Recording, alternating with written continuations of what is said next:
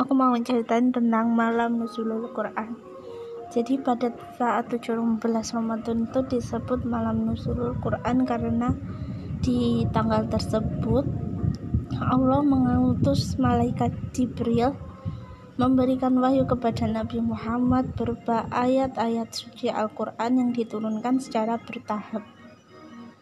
Nah, di malam tersebut ada keberkahan tersendiri kalau kita membacanya, membaca Al-Quran. Bukan berarti malam-malam yang lain itu nggak ada keberkahan, ada.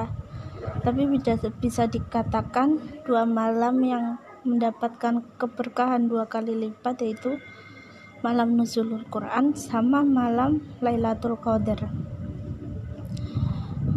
Kita dianjurkan untuk membaca Al-Quran di bulan Ramadan karena tadi bulan Ramadan itu bisa dekat bisa dikatakan hari turunnya Al-Quran. Dengan kita membaca Al-Quran berarti kita memperingati hari turunnya Al-Quran tersebut gitu. Dan juga untuk belajar lebih dekat dengan Al-Quran di bulan Ramadan sehingga nanti kalau Ramadan udah pergi kita bisa selalu dekat dengan Al-Quran lebih intens lagi. Contohnya gini kita biasanya di hari-hari biasa kita baca satu lembar atau setengah ayat atau satu ayat. Nah di bulan Ramadan kita bisa baca harus baca dua lembar tiga lembar atau paling bagus sehari satu juz sehari satu juz gitu paling bagus. Dan lama-lama kalau kita biasain tuh 30 hari begitu lama kelamaan nanti kalau udah Ramadan udah pergi kita bisa lebih biasa megang musaf dan membaca beberapa lembar beberapa lembar tanpa capek gitu. Jadi jangan lupa jangan lupa membaca Al-Quran di bulan-bulan seperti ini ya.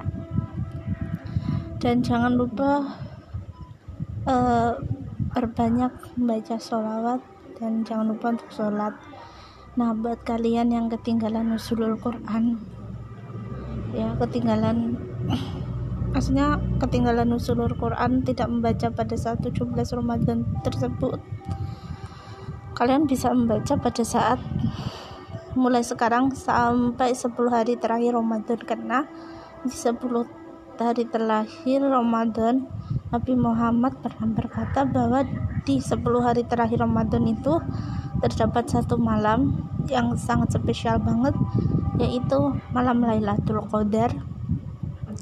Tapi malam tersebut itu dirahasiakan oleh Allah. Entah itu tanggal 21, 22, 23, 24, 25, 26, 27, 28, 29 yang uh, malam tersebut dirahasiakanlah oleh Allah. Karena kalau malam tersebut tidak dirahasiakan oleh Allah itu dunia akan hancur kehidupan akan berantakan.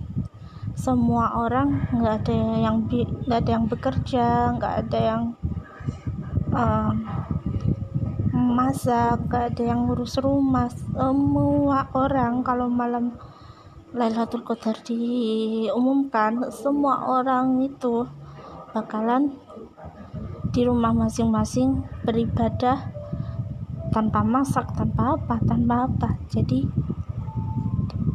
akan berantakan. Jadi jangan lupa untuk selalu membaca Al-Quran ya. Maaf kalau berlibat kata-katanya.